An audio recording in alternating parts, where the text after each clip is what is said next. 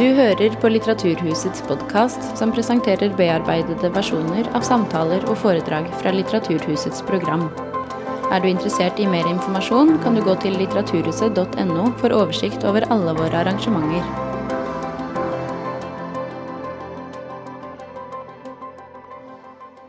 Kjære alle sammen. Hei, og velkommen til Litteraturhuset denne lørdagen. Foredraget dere snart skal få høre, er det første lørdagsforedraget i en serie arrangementer vi har kalt Forbudte bøker.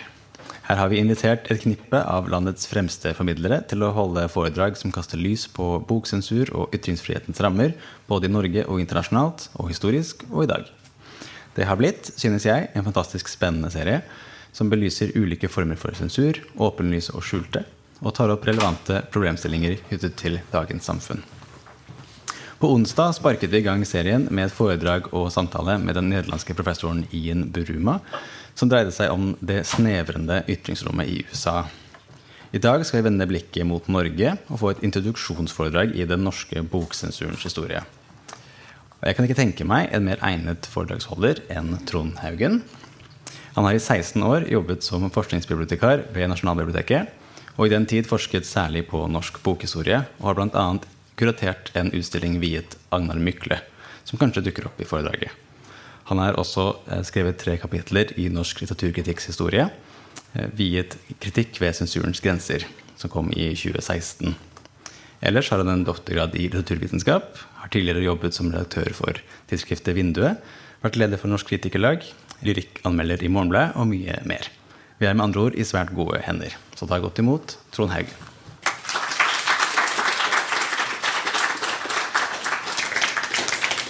Tusen hjertelig takk.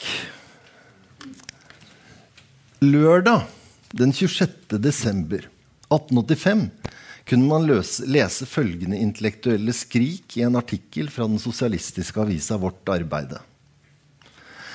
Jeg sier jeg er bare forferdet. Jeg har i all denne tid hatt en skrekkelig trang til å tale, til å skrike det ut, men forferdelsen over alt hva jeg har fått at få se, har som forstenet meg. Altså, her er ikke lenger tillatt her i Norge, selv i alvor, å få skrive hva man vil. Det leves menneskeliv iblant oss som nok burde stilles frem, burde stilles frem til advarsel, men som det ikke er tillatt å stille frem. For de kan ikke tegnes i den borgerlige penhets linjer. Altså, du og jeg, vi alle, vi må her i Norge ikke lenger få lese hva vi selv ønsker å lese. I sin paragraf 100 sier Grunnloven frimodige ytringer om statsstyrelsen og hvilken som helst annen gjenstand er enhver tillatt. Hva er vel dette annet enn Grunnlovens brev på at i alvor skal enhver her i Norge få uttale hva han vil? Det er Grunnlovens borgen for trykkefrihet her i Norge. Man dreper trykkefriheten, og all annen frihet er ikke lenger navnet frihet verdt. Og så lar den såkalte liberale ministerium sin justisminister reise denne sak tross Grunnloven.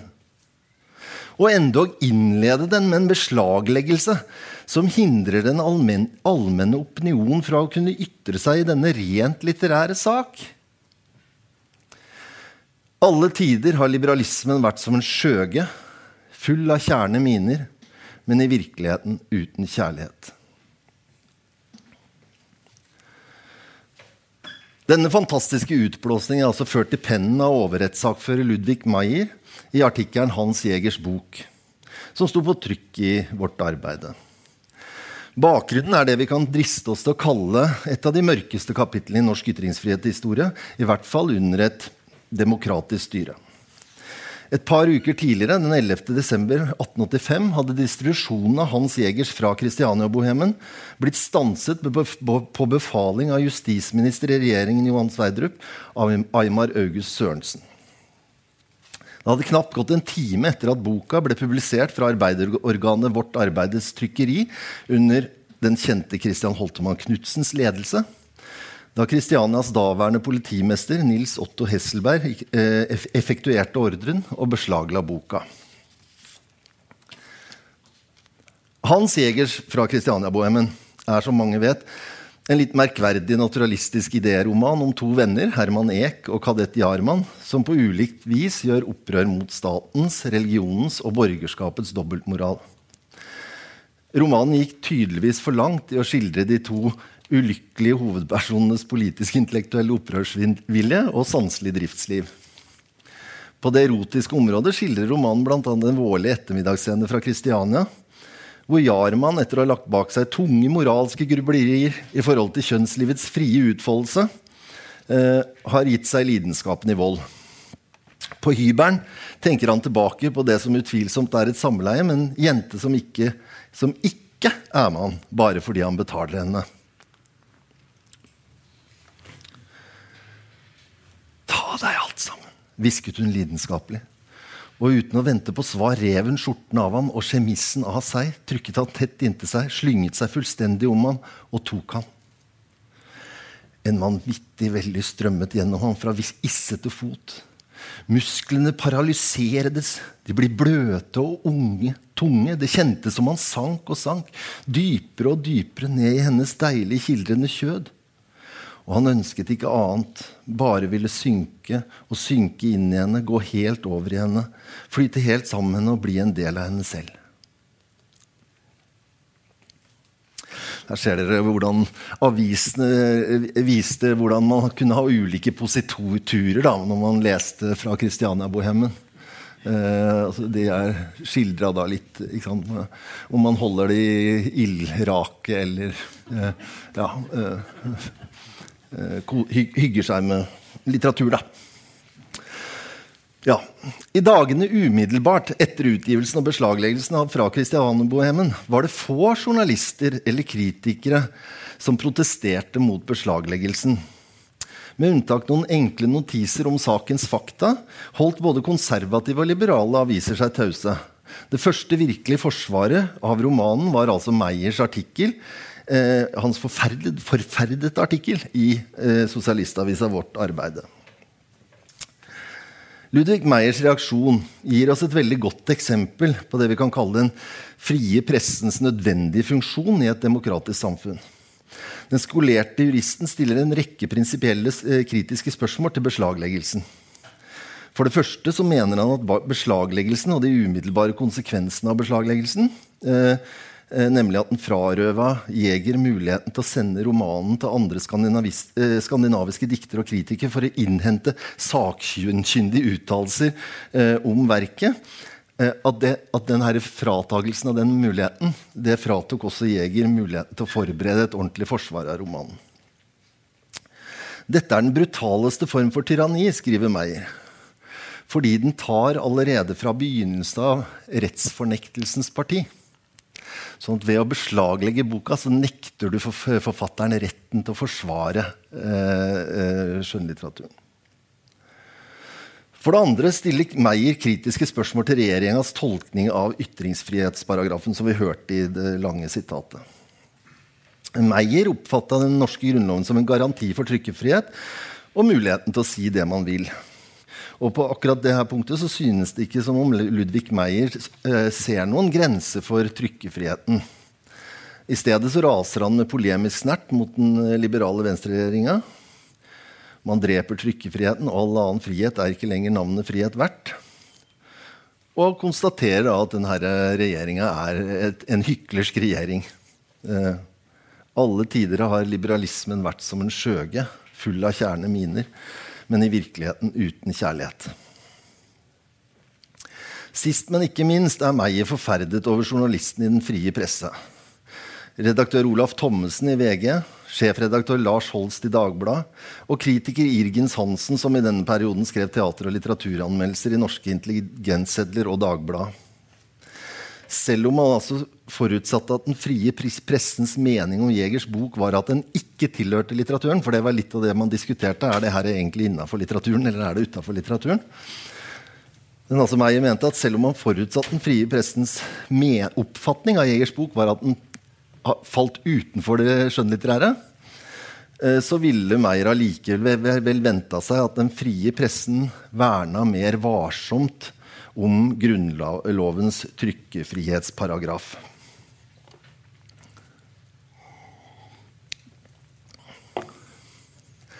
Det viktige i denne sammenhengen er at da Sverdrup-regjeringen beslagla Hans Jegers fra Kristiania-bohemen i 1885, så var det den første gangen norske styresmakter, anført av landets justisminister, hovedstadens politimester og Høyesterett, hadde grepet inn overfor skjønnlitteratur. Og I Norsk litteraturkritiks historie som Daniel nevnte, eh, fra 2016, så har jeg prøvd å vise hvordan Jegersaken startet det vi kan, kanskje kan kalle den første bølgen av kritisk moralisme eller skjønnlitterær sensur i Norge. Uh, verken før eller siden har den norske domstolen vært så aktiv i rollen som sensurorgan for skjønnlitteratur. Fra midten av 1880-tallet til litt ut på 1890-tallet så supprimeres, trekkes tilbake altså, beslaglegges, sensureres og konfiskeres det en rekke skjønnlitterære titler. Ved siden av Jegers eh, fra Christiania-bohemen så er kanskje Christian Krogs 'Albertine' fra 1886 den mest kjente av dem. Og ikke minst er det da hun eh, fantastiske Nå glemte jeg navnet hennes, men hun er kritiker. Anne Kristin? Nei, kom igjen, da. Eh, eh, Margrethe Vullum, selvfølgelig. Hun, hun rakk jo da akkurat å skrive en kritikk, en bokkritikk av eh, Albertine før den ble beslaglagt. Og da skriver hun en setning som er helt aldeles nydelig. For hun sier, sier at uh, Albertine er en deilig bok. Uh, som en slags, si, som en slags punch mot det her uh, juridisk-politiske sensurorganet som var ute og rasla. Så den er kanskje den mest kjente av de. Men også flere andre verk, som Olaf Bernik eh, sin kolportasjeroman 'Christiano-bohemen på eventyr'. Første aften en promenade på Karl Johan og dens følger. Eh, Christian Steneruds samling med hefter 'Kristiania ved natt og dag' eller 'Bort med sløret'. Fortellinger om mystiske forhold i Kristiania. Kom i 1886-87. Eller just Cato Frøkens 'Godt i hundene', naturstudier fra 1887. Uh, just frøken sin uh, 'Godt i hundene' er en helt fantastisk liten sak med to naturalistiske fortellinger. Hvor, ja, ja. Nydelig liten bok. Men altså flere av de, altså det her var bare noen av de her som ble beslaglagt bøker, skjønnlitterære bøker som ble beslaglagt, satt under tiltale og dømt pga. sitt usedelige innhold. Atter beslagleggelse av griselitteratur var den talende tittelen på en enkel notis i Aftenposten 28.1.1887 i forbindelse med beslagleggelsen av Stenruds Kristiania med natt og dag. Og Sigurd Heiestad, som har skrevet en liten historie om folkelesning, som heter 'Av folkelesningssaga', hvor han ser på det, det man kaller den, altså folkelitteraturen på 1880-90-tallet, som ofte kom i hefter og ikke er, liksom, har så stor plass i de mest liksom, eh, monumentale litteraturhistoriene.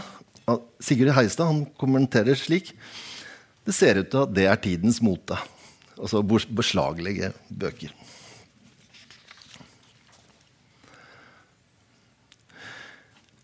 Men hvorfor skal vi snakke om det i dag? Eh, jeg mener jo at Det som er interessant her er at Sverdrup-regjeringens beslagelse av Hans Jegers roman og Ludvig Meyers reaksjon på beslagleggelsen belyser en rekke komplekse historiske, politiske og teoretiske problemstillinger knytta til forholdet mellom nettopp flertallsmakt og sensur, og til selve begrepet om ytringsfrihet. For det første så minner denne historiske hendelsen oss om en av Robert Darntons hovedteser fra boka 'Censors at Work How States Shaped Literature', nemlig at all sensur er dypt politisk i sin natur. Og Strengt tatt så er det bare stater eller statlige institusjoner som kan utøve sensur. Darnton formulerer slik uh, hvis begrepet om sensur utvides til alt, betyr det ingenting. Det bør ikke trivialiseres. Eh, og så fortsatte han med engelsk. Dere kan lese engelsk. Jeg har over en liten bit der. Men eh, sensur, slik jeg forstår det, er i hovedsak politisk. Den utøves av staten. Det, og det er et poeng som det er viktig å huske på når man snakker om sensur. Eh, og det viktige med det er at Barnton her trekker et veldig viktig og strengt skille mellom makt som er monopolisert av staten, eh, og som i demokratiske stater har flertallet som sin begrunnelse.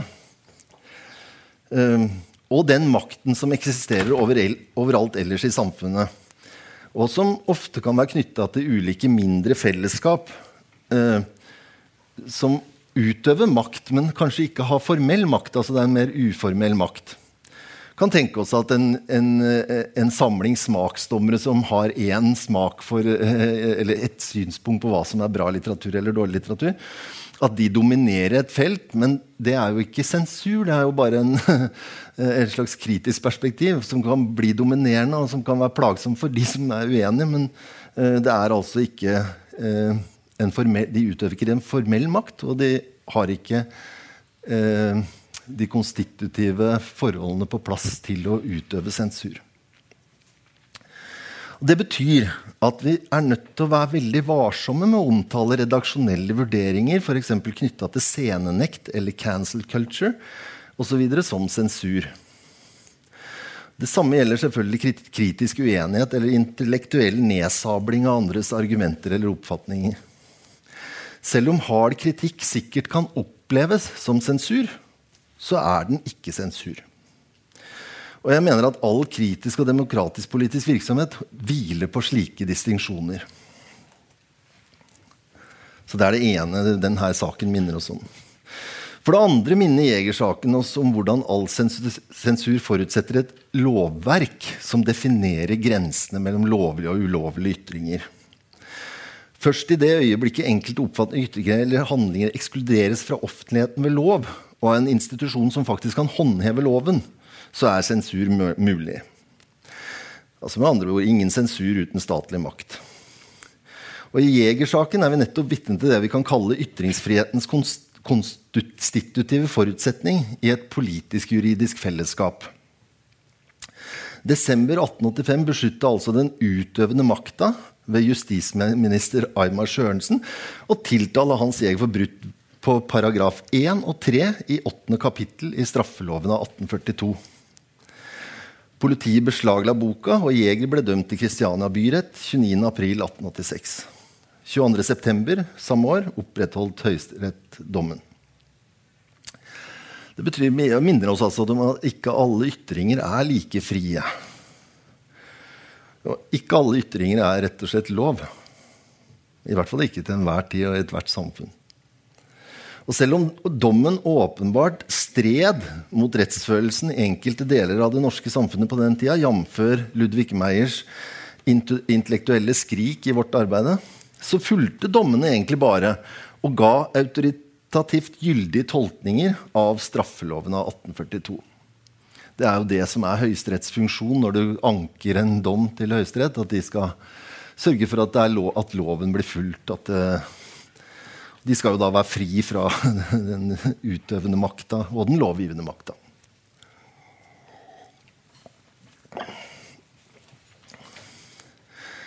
For det tredje minner Jegersaken oss om at ytringsfrihet og sensur aldri finner sted i et politisk, sosialt tomrom. Ytringsfriheten kan aldri bli absolutt. Snarere er det kanskje slik at ytringer er avhengig, av en rekke grenser som avgjør hva det er lov å si hva det er mulig å si, og hva det er lurt å si. Det er på mange måter slik ytringer blir viktige eller meningsfulle. Altså hvis man bare babler og det ikke betyr noe, så er ikke det så veldig viktig, kanskje. Men man har jo da, en fri ytring, da. I ettertid kan vi selvfølgelig studere Jegerstokken og spørre oss hva betyr egentlig denne beslagleggelsen og sensuren av fra Kristiania-bohemen. Altså, hva betyr den? Hva betyr den historisk i forhold til 1880-tallets samfunn? Hva var det som trua statsmaktens interesse i Norge på 1880-tallet? Og Ut fra straffelovens paragrafer så ser det ut som det var usedelighet og blasfemiske ytringer om statens offentlige religion som truet makta. Det er det som på en måte er innholdet i paragraf 1 og 3 i det åttende kapittelet i straffeloven 1842. Og så kan vi selvfølgelig spek spekulere i og stille oss spørsmål om og diskutere om det var en tilfeldighet at den første skjønnlitterære boka som ble beslaglagt i Norge, var skrevet av en radikal intellektuell bohem og trykket i sosialistenes trykkeri. Kanskje var domstolens klappjakt på den folkelige erotisk-blasfemiske skjønnlitteraturen bare en logisk konsekvens av den allerede eksisterende parlamentariske utelukkelsen av de arbeiderne, husmennene, kvinnene eh, som ikke hadde, tjente nok og betalte nok skatt til å ha stemmerett i det norske samfunnet på 1880-tallet. Jeg vet ikke svaret på det, men det er grunn til å stille spørsmålet. Altså, hva er det som er for forholdet mellom liksom det her, hva, hva, er det eh, som blir angrepet i demokratiet? Hva er det som står på spill? Hvorfor var det viktig å beslaglegge Jeger?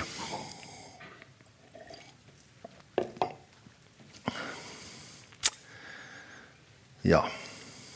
I det hele tatt så gjør studiet av Sverdrup-regjeringens beslagleggelse fra Kristiania-bohemen i 1885 det mulig å stille en rekke grunnleggende spørsmål til de politisk-juridiske rammene for ytringsfrihet overhodet. Hva vil det egentlig si at en ytring er fri?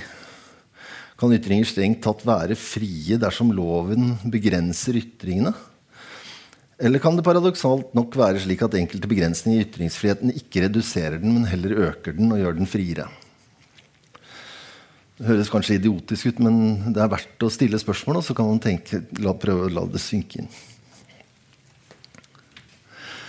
Den tyske filosofen og politiske tenkeren Hanna Arendt har skrevet veldig fint om de menneskelige ytringene og handlingenes avhengighet av et offentlig rom i flere av sine bøker. Men kanskje aller tydeligst i The Human Condition fra 1958 oversatt av Christian Jans i serien Pax Palimpsest i 1996 med tittelen 'Vita activa det virksomme liv'. Et av de sentrale poengene i hennes offentlighetsfilosofi er at mennesket lever og handler i samkvem eller i samfunn med andre mennesker. Siterer. For menneskene betyr å leve det samme som på latin, det språk som det mest politiske folket vi kjenner, talte, å være blant mennesker inter homine esse. Mens å dø betyr å opphøre å være blant mennesker. Desinere inter homine, homines esse. I forlengelse av dette sosiale perspektivet på menneskers eh, virksomme liv, dvs. Si menneskets handlinger og ytringer, poengterer Arnt at menneskelig frihet har likheten som sin forutsetning i essayet 'Hva er frihet?' fra boka 'Between Past and Future Six Exercises in Political, Political Thought' fra 1961 skriver hun bl.a. at menneskets frihet hviler på en politisk trygget offentlig sfære. Altså en politisk trygget offentlig sfære. Jeg siterer Uten en politisk trygget offentlig sfære mangler friheten det stedet i verden der den kan framtre. Den kan fortsatt leve i menneskenes hjerter som ønske eller vilje eller håp eller lengsel. Men menneskets hjerte er, som vi vet, et svært mørkt sted. Og hva som enn måtte foregå i hjertets dunkle rom, kan det knapt kunne kalles en demonstrerbar kjensgjerning. Frihet som demonstrerbar kjensgjerning og politikk sammenfaller og er forbundet med hverandre som to sider av samme mynt. Arendt anerkjenner selvsagt at denne friheten som hviler i likhet, ikke finnes i alle former for samfunn. Ikke minst er fraværet av en slik offentlig sfære påtakelig i det hun omtaler som totalitære samfunn. Nå er det selvsagt slik at ikke alle former for menneskelig kommunikasjon og ikke alle former for samfunn kjennetegnes ved frihet. Og hva mer er, der den menneskeskapte verden ikke er et åsted for handling og tale, f.eks. i diktaturer som for, forviser sine innbyggere til hjemmets trange grenser og dermed hindrer framveksten av en offentlighetssfære, er ikke friheten reell i verden. trekke fram Hanne Arnt som, som en politisk tenker knytta til liksom, offentlig sfære, eller offentlighet og ytringsfrihet, nettopp fordi hun er så god til å på en måte se noen av de hva skal jeg si, de her rammene som uh, minner oss om uh, hvordan, hvordan, menneskelig aktivitet er sosial. Da, hvordan vi er på en måte forbundet med hverandre.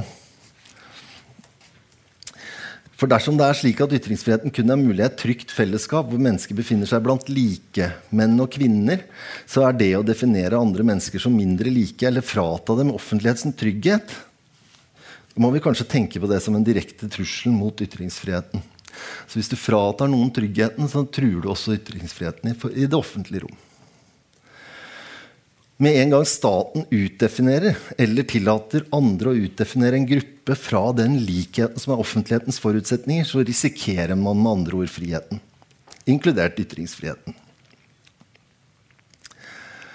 Så, sånn sett så kan man si at ytringer som truer og ekskluderer menneskene fra en trygg offentlighet på grunnlag av klasse, mening, kjønn, legning eller politisk farge, eller religiøs overbevisning, undergraver den likheten som er ytringsfrihetens forutsetning. Ja.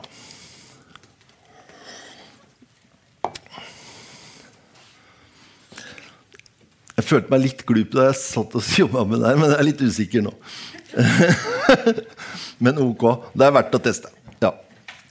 For å belyse den ikke-statlige, men allikevel reelle trusselen mot den likheten som er ytringsfrihetens forutsetning, tenkte jeg vi kunne se nærmere på det vi kan kalle den andre bølgen av moralistisk juridisk kritikk i norsk litteraturhistorie.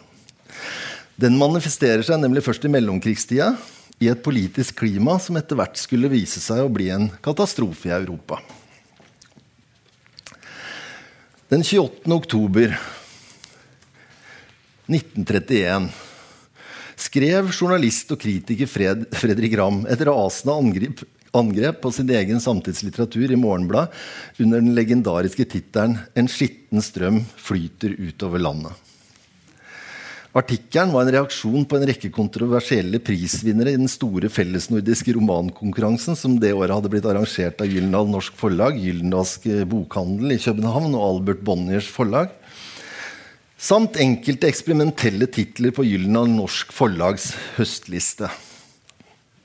Eh, kan se på noen av dem her. Eh, eh Sigurd Kristiansen hadde stikket av med både den nasjonale førsteprisen i konkurransen og den gjeve nordiske førsteprisen med eh, romanen 'To levende og en død'. Den norske andreprisen i konkurransen gikk til Sigurd Hoels en dag i oktober. Mens Hans Bakker Fyrst fikk juryens anbefaling for sin desillusjonerte ekteskapsroman 'Duskrein', som dere ser så vidt er den grønne der. Duskregn, som bl.a. skildret en kvinnes biseksualitet. Samme høsten utga Gylna også Rolf Stenersens debutbok. Eh, eh, en prosasamling med kanskje en av Norges fineste titler. 'God natta, du'. Um, og Paul Gjesdals debutnovellesamling 'Eksperimentet'. Og ikke minst Karo Espeseths radikale prosalyriske, modernistiske romaneksperiment 'Sår som ennu blør'. Dere ser jo på formgivinga av boka at dette er radikale eksperimenter. Fredrik Ramm han åpna da artikkelen en skitten strøm flyter utover landet og utroper nettopp Gyldendal-debutanten Karo Espeseths 'Sår som ennå blør' til en god nummer én i den norske konkurranse om litterært svineri som Gyldendal Norsk Forlag har arrangert i høst. Ramm la ikke bånd på sin avsky overfor denne romanen, som tok for seg den sadomasochistiske relasjonen mellom en tysk krigsveteran fra første verdenskrig og en ung norsk filologistudiene i Berlin. Dette er en moderne roman som foregår i en moderne storby. Og med selvfølgelig en moderne erfaring av den første verdenskrig veldig tett på. For Ramm representerte Sigmund Freuds psykoanalytiske lære om seksuelle komplekser en verre gift for menneskesinnet enn politisk og økonomisk kommunisme noensinne kan bli. Altså, så Sigmund Freud var verre enn all kommunisme. Og Grenseløsheten i angrepet blir tydelig når Ramm i et senere avsnitt sammenligner effekten av den moderne litteraturen, eksemplifisert av Paul Gjesdals noveller, med de overgrepene en voldtektsmann kan gjøre mot små barn. Jeg siterer. Paul Gjesdal, som snart skal ha ut en bok hvis innholdet etter forhåndsreklamen å dømme er hentet fra samme kloakk som de fire nevnte, skriver i en anmeldelse av Rolf Steners bok. Men selv om han aldri kommer til å skrive en linje mer, han har gjort sitt. De forbrytere som ødelegger små piker, har også fått gjort sitt. Men den skade en fordrukken voldtektsmann gjør et barn, er liten sammenlignet med den som en Sigurd Hoel, en Hans Bakke Fyrst, en Rolf Stenersen, en Karo Espeseth kan gjøre ved sin litterære virksomhet. Litteratur kan altså ifølge Fredrik Ramm være mer skadelig enn voldtekt av små barn. Og man kan si veldig mye om den polemiske måten å føre debatt på. Men den befinner seg kanskje fortsatt innenfor det man må tåle i et kritisk ordskifte i, et, eh, i en trygg offentlighet. Poenget er at det, eh, trygging av offentligheten må ikke føre til et sånt krenkelseshysteri heller. Ja. Eh. og nå er det veldig lett å hoppe på liksom konklusjonen at dette her var, dette den, si, var det her den konservative kritikken? Nei, var det den reaksjonære kritikken? Ja, kanskje i forhold til eh, eksperimentformen, den eksperimentelle litteraturen. Det er veldig vanskelig å trekke sånne tydelige politiske linjer.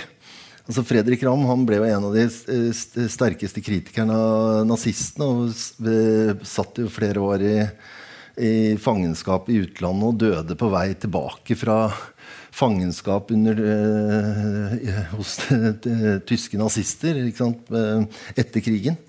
Så det er ikke eh, bare sånn at det ikke blir, virker liksom altfor enkelt der, da. Ja. Eh, men som sagt, det som skiller den andre bølgen moralsk forfølgelse på 30-tallet fra den første på 1880-tallet, altså det som skiller den herre, en skitten strøm fra beslagleggelsen av Christiania-romanen, det er jo at den andre bølgen først og fremst ytrer seg da som en reaksjonær kritikk i deler av den norske pressen. Ingen av bøkene som rant i den skitne strømmen, ble beslaglagt eller stilt for retten. 1930-tallets progressive redaktører og kritikere, som Einar Skavlan i Dagbladet for eksempel, var overbevist om at tiden med strafferettslig forfølgelse av skjønnlitteratur pga. brudd på den alminnelige sedelighet og bluferdighet definitivt var over. I en leder i Dagbladet 12.11. med tittelen 50 år etter, med referanse til beslagleggelsen av litteratur nettopp på 1880-tallet, så skriver Skavlan at i dag var umulig å tenke seg en inngripen overfor litteraturen fra eh, politimyndighetenes side. Allikevel så mente Skavlan at en annen form for sensur eh, var i full funksjon. Politi tør ingen rope på meg, så langt er vi da kommet. Men ellers er sensuren i full funksjon. Bokhandlerne, som har en kulturmisjon i den frie opplysningstjeneste, skal skremmes til å holde bøkene tilbake, og de svakeste og dummeste av dem lar seg skremme. Det er uhyrlig hva man kan lese i den utenbys presse for tiden av reaksjonære uttalelser fra forskremte bokhandlere. I en reportasje i Dagbladet 7.11.1931 eh, intervjua Johan Borgen enkelte av bokhandlerne som følte seg, følte seg pressa til å fjerne den skitne strømmen fra sine bokhyller og utstillingsvinduer. Og ved ett tilfelle, antageligvis i avisa Tidens Tegn, skal statsadvokaten ha latt seg avbilde i pressen med Rolf Stenersens 'Godnatta, du', som han ifølge mediene vurderte å gå til strafferettslige tiltak mot.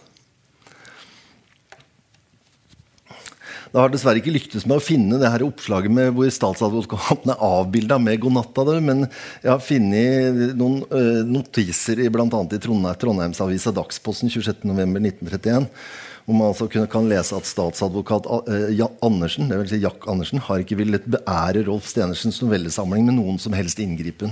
Men her ser vi på en måte beslagleggelsestanken og statlig sensur på en måte spil, altså, tanken spiller seg ut i pressen. Kanskje mest i sånn, litt sånn spekulativ eh, notisform. da. Ingen knusende litterær dom, ingen inngripen. ikke sant? God natta, du. Blir utgivelsen stoppet? spørsmålstegn. God natta, du. Blir ikke beslaglagt. Det må jo være fint. Uh, så det som altså i hovedsak kjennetegner, kjennetegner mellomkrigstidas kritisk-moralske debatt rundt grensene for den litterære ytringsfriheten, det er altså at den aldri fikk Høyesterett til å aksle rollen som statens ypperste litteraturkritiker eller litterære sensor. Uh, den andre formen for sensur, altså den som strengt tatt ikke er sensur, men som kanskje kan betraktes som pøbelens justis, altså en sånn slags mobbekultur hvor man prøver å plage liksom, bokhandlere til å skjule bøkene. Eller uh, få folk til å la være å kjøpe det, fordi da liksom, flagger de en eller annen sånn løssluppen uh, uh, moralsk habitus. den er, da, den er jo da åpenbart til stede. Og den kan være pinlig å betrakte i ettertid. Men så må vi kanskje ikke glemme at den fant sted i det her tiåret da eh, nasjonalsosialistenes pøbeljustis og mobbekultur i Tyskland etter hvert skulle true hele Europa og eh, rett og slett berede grunnen for et av historiens største folkemord.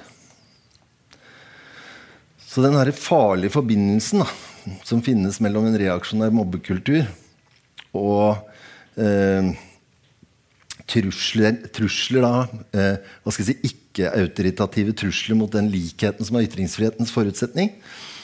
Altså Forbindelsen mellom den og totalitarismens utradering av meningsmotstand den, eh, den, er på en måte verdt å huske på når det gjelder 30-tallets liksom, kultur. Og den lar seg faktisk også etterspore i norsk litteraturhistorie. Og nå skal dere få høre om en bok som ingen av dere har hørt om. Eh, for bare noen få år etter debatten om den skitne strømmen i 1931, dvs. Si i 1934, så fikk en mindre eksperimentell forfatter enn Stenersen og Espeseth unngjelde for den moralske mobbens mening.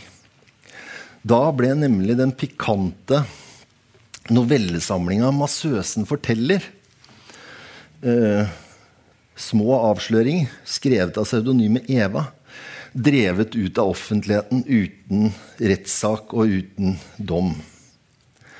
Mye takket være litteraturkritikeren Bergljot Kittelsen. Etter at en rekke Oslo-aviser høsten 1934 hadde skrevet om at byens massasjeinstitutter i virkeligheten var fordekte bordeller, slo Oslo-avisa Morgenposten saken stort opp lørdag 23.2. De lyssky massasjeinstitutters dager er talte. Lov på trappen om statsautoriserte sykegymnaster. Sykegymnaster er, så, det er jo det som heter i dag som heter De heter jo fysioterapeuter. Ja, ja, ja. Altså Lov på trappen om statsautoriserte sykegymnaster. Flere av byens massasjeinstitutter er, er skalkeskjul for usedelighet. Boken 'Massøsen forteller' beslaglagt av politiet. Eh, og i sin helhet lyder av notisens brødtekst som følger. Politi beslaglegger. Som kronen på verket utkom det for noen uker siden en bok 'Massøsen forteller' på forlaget Ramona. Undertegnede fikk boken til anmeldelse, men istedenfor å anmelde boken i Morgenposten, anmeldte vi den til politiet. Som nå har beslaglagt opplaget på ca. 3500 eksemplarer. Boken inneholder en del korte fortellinger om alt det en massøse opplever i sitt yrke, og er i grunnen et passende bevismateriale for politiets påstander om de tilstander som hersker i de suspekte massasjeinstitutter. Boken er dårlig og smakløs. Den kan best karakteriseres som rendyrket pornografi som intet har med litteratur å gjøre. Se på en måte vi ser litt, noen av de samme liksom, refleksene til, som du hadde i forhold til fra Christiania-bohemen også. Når er det det går ut av litteraturen og blir noe annet enn litteratur? Uh, jeg, jeg, har ikke, altså jeg har skrevet mer om det her i en artikkel i Vindu 2012. Uh, dere ser så vidt en liten gjengivelse av denne boka er jo ikke digitalisert. og De to eksemplarene vi har, er stempla Oslo politikammer. som dere ser. Eh, det er jo utrolig fascinerende. De eneste vi kjenner til, er, har på en måte politikammerets stempel. Men det er, veld, det er veldig morsomt. Det er blant annet En av mine favoritt-pjolterscener fra norsk litteratur er, er, i den, eh, er, i den, boka. Det er, sånn, eh, det er en slags sånn en kvinne kledd som en mann som kommer og forfører en jeg-person. Altså, eh, er det en liten pjolterscene, og så truer den herre eh, kvinnen kledd som en mann hun andre med en pistol. og Det er, hva skal si, det er kanskje ikke, det er kanskje ikke verdenslitteratur, men det er, det er, gøy å lese, da. Uh, ja. Så, ja. så det er altså ikke det sensasjonelle oppslaget i seg sjøl som er interessant, i den sammenhengen, men hvordan litteraturkritiker og politi sammen opptrer som voktere av den gode moral. Om det virkelig var slik at Bergljot Kittelsen anmeldte novellesamlinga til politiet, det har jeg ikke klart å finne ut av. Eh, men det kan jo godt være slik at den kritisk-moralske vurderingen i Morgenposten fikk politiet til å gå til aksjon. Som vi har sett i forbindelse med notisene om 'god natta, du'. Altså, er noen, noen, ringer statsadvokaten eller snakker med statsadvokaten, og så må nesten statsadvokaten vurdere om det er grunnlag til å gå til en eller annen form for sak. Ja. I dag så vet vi altså at uh, så vet vi altså at den 20 år gamle forfatteren 20 år gamle forfatteren bak pseudonymet Eva og innehaveren av Ramona frisersalong i Rosenkrantz gate 19, Solveig Kristine Nergård, eh, som er navnet hennes, ble pågrepet sommeren 1935 for overtredelse av den daværende straffelovens paragraf 378 som lyder, slik Med fengsel inntil tre måneder straffes den som enten med ord, tegn eller uanstendig oppførsel på offentlig sted eller på noen måte som er egnet til å vekke offentlig forargelse, utvetydig oppfordrer eller innbyder til utukt, eller som ved offentlig bekjentgjørelse søker innledet utuktig forbindelse, eller som medvirker hertil. Og Grunnen til at vi vet det, er at vi har polititidene. det er jo... Eh, eh, det er, jo, eh, det er jo, en av de fantastiske tinga med at vi har digitalisert så mye av litteraturen i, i, i Norges land på Nasjonalbiblioteket. For vi kan søke på navnet Solveig Kristine Nergård, og så får vi treff i polititiden. Og det her ville jeg aldri ha kunnet finne uten den funksjonen. For det her står Det eneste står, er at Solveig Kristine Nergård, født den 18.10.14, altså er ikke blitt 21 år ennå engang, er 4.8. pågrepet grepet etter straffelåsens paragraf 378 og løslatt. Eh, så Ifølge polititiden ble hun altså løslatt også. Da. Og angivelig, og det her er noe som Arthur Thusen skriver i sin bibliografi over beslaglagte og supprimerte bøker, en fantastisk bibliografi som kom i to utgaver. Første på 1920-tallet, andre gang på 1960-tallet. Ifølge Thusen så ble hun altså løslatt etter å ha godtatt at boka hennes ble inndratt mot å slippe rettssak og offentlig omtale. Og som nevnt så er altså denne boka da kun tilgjengelig i dag med Oslo politikammers eh, stempel.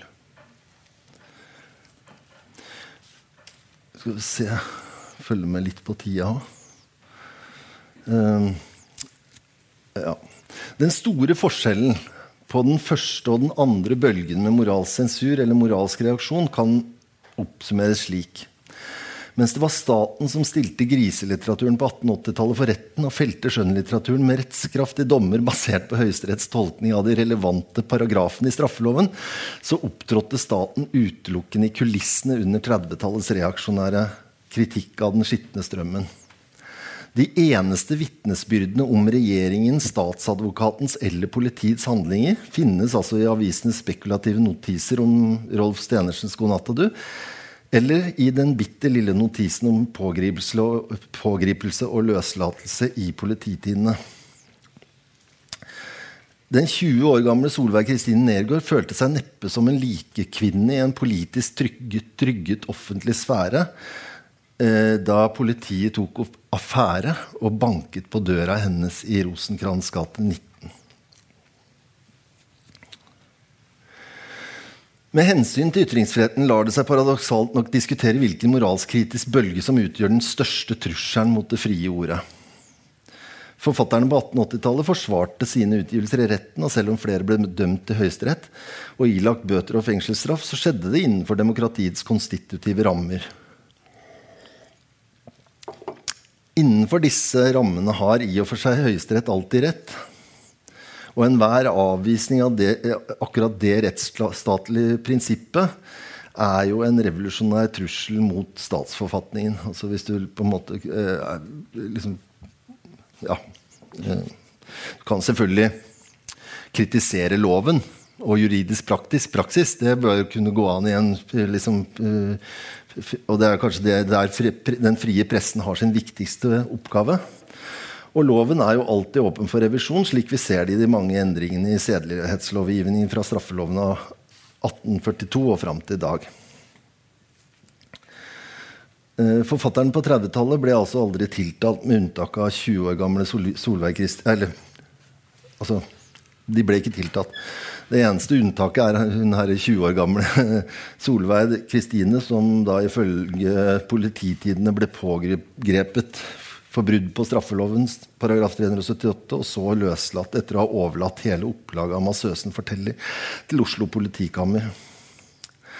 Sånn at Reaksjonen på 30-tallet den besto først og fremst i rea, re, det vi kan kalle den reaksjonære mobbens justis. altså De som på en måte gjorde, skal, det, gjorde det, usikkert å skrive hva du ville på, på 30-tallet. Uh, Altså Bokhandleren turte ikke å sette bøkene fra den skitne strømmen i bokhyllene, mens kritikerne i den reaksjonære pressen ropte om litterær voldtekt, sort utflod på ellers uplettede sider, perverse følelsesliv, sadistiske solskinnshistorier og rendyrket pornografi. Eh, i hvilken grad disse forsøkene på å kritisere meningsmotstandere til taushet eller sabotere den plattformen de ytrer seg fra, og henge dem ut retorisk som kriminelle overgripere, om det fortsatt befinner seg innenfor den offentlige debattens demokratiske rammer, det er og forblir et politisk spørsmål. Uh, uh, 1930-tallet var altså var åpenbart et veldig røft debattklima i den perioden. Og det er ikke sikkert at det kjentes trygt for alle, men det satte altså ingen bak lås og slå. Det nærmeste det kom, var altså den her pågripelsen og løslatelsen av Solveig Kristin Nergård. Det skremmende med en slik offentlighet er imidlertid hvor tett den kommer på å krysse eh, grensene til metoder og praksiser som vi kanskje først og fremst forbinder med totalitære politistater. Sånn, hva skjedde med Solveig Kristin Nergårds ytringsfrihet? Hvilken rettsbeskyttelse var det hun hadde da politiet kom på døra? Ja, og Da skal jeg begynne å avslutte. De er to veldig forskjellige eksempler på moralsk fordømmelse og eksklusjon av skjønnlitterære ytringer.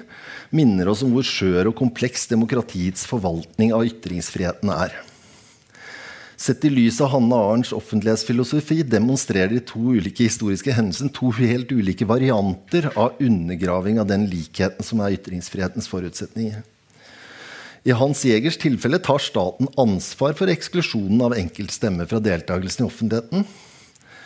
Eh, og som antyda, kanskje kan analyseres i ettertida som en forlengelse av tidas begrensninger i, ytring, ja, i stemmeretten. Eh, kriminalisering av ytringene skjedde gjennom domfellelser i et rettsapparat som hadde sine standarder. Det var Høyesterett som eh, tok avgjørelsene. I Solveig Kristin Nergårds tilfelle tvinges enkeltstemmer ut av offentligheten gjennom en mer uformell justis skal jeg nevne så vidt den herre um, tredje bølgen. Altså På 1950- og 60-tallet kom den tredje og så langt siste bølgen med moralsk juridisk kritikk av norsk skjønnlitteratur. Og det skjedde under Arbeiderpartiets regjeringstid i de kjente rettssakene mot Agnar Mykle, som ble frikjent i Høyesterett, Henry Miller og Jens Bjørneboe, som ble dømt i Høyesterett for brudd på den daværende straffelovens paragraf 211. Eh, da riksadvokat Andreas Auli beordra Oslo politikammer om å begjære Mykles bok beslaglagt, så var det kanskje først og fremst for å få en prinsippavgjørelse i forhold til en utuktsforparagraf som i rettspraksis hadde vært sovende i nærmere 70 år, nemlig fra 1880-tallet. Så her, var, her, er det liksom, de her rettssakene på 50-60, særlig den mot Mykle, så må man diskutere hva var det som var var det for at de mente at Mykle hadde gått for langt, eller var det for å få testa en paragraf som hadde vært sovende veldig lenge? Ikke sant? En slags eh, dømmende makt tester sine egne eh, lover. Eh, ja. Jeg avslutter det foredraget med å påpeke at den av likhet som er, altså at ødeleggelse av den likheten som er forutsetning for all ytringsfrihet, selvfølgelig er like aktuelle i vår tid. Men i dag kan det nesten virke som at den liberale offentligheten ikke ønsker å se ytringsfrihetens høyt, høyst reelle dilemmaer i øynene. Fra moderne språkfilosofi så vet vi at ytringer også er handlinger. Men det å dømme ytringer som hatkriminelle synes allikevel å være uendelig mer utfordrende enn å dømme, idømme folk bøter for å få kjørt for fort i bil. Rettspraksis er og forblir rettspraksis. Og en passiv rettspraksis sikrer ytringsfrihet for ytringer som kanskje ikke burde være frie. Altså, kan vi stille det spørsmålet? Det er litt gøy å gjøre det. Eh, med Hanne Arens offentlighetsteorier i bakhodet er det viktig å kunne diskutere hvilke ytringer eller handlinger som truer, handlinger som truer enkeltmennesker ut av offentligheten. Dersom vi skal kunne ruste oss mot en eventuell framtidig totalitarisme, så tror jeg vi er nødt til å ta, være villige til å ta det liberale dilemmaet innover oss i den moderne rettsstaten. Er det statens oppgave å beskytte alle ytringer, uansett om de måtte true mennesker fra å delta i offentligheten? Eller er det statens oppgave å beskytte den likheten som er ytringsfrihetens forutsetning, og dermed trygge den offentlige sfæren?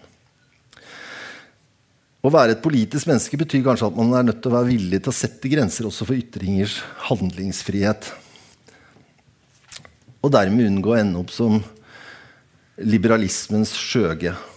Full av kjerne miner, men uten egentlig kjærlighet. Tusen hjertelig takk.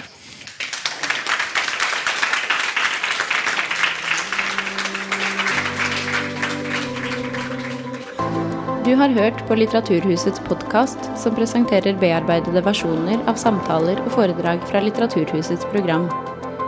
Del gjerne podkasten med familie og venner via iTunes eller Soundcloud om du liker det du har hørt. Følg oss også på Facebook og på litteraturhuset.no for informasjon om flere aktuelle arrangementer. Musikken er laget av Apotek.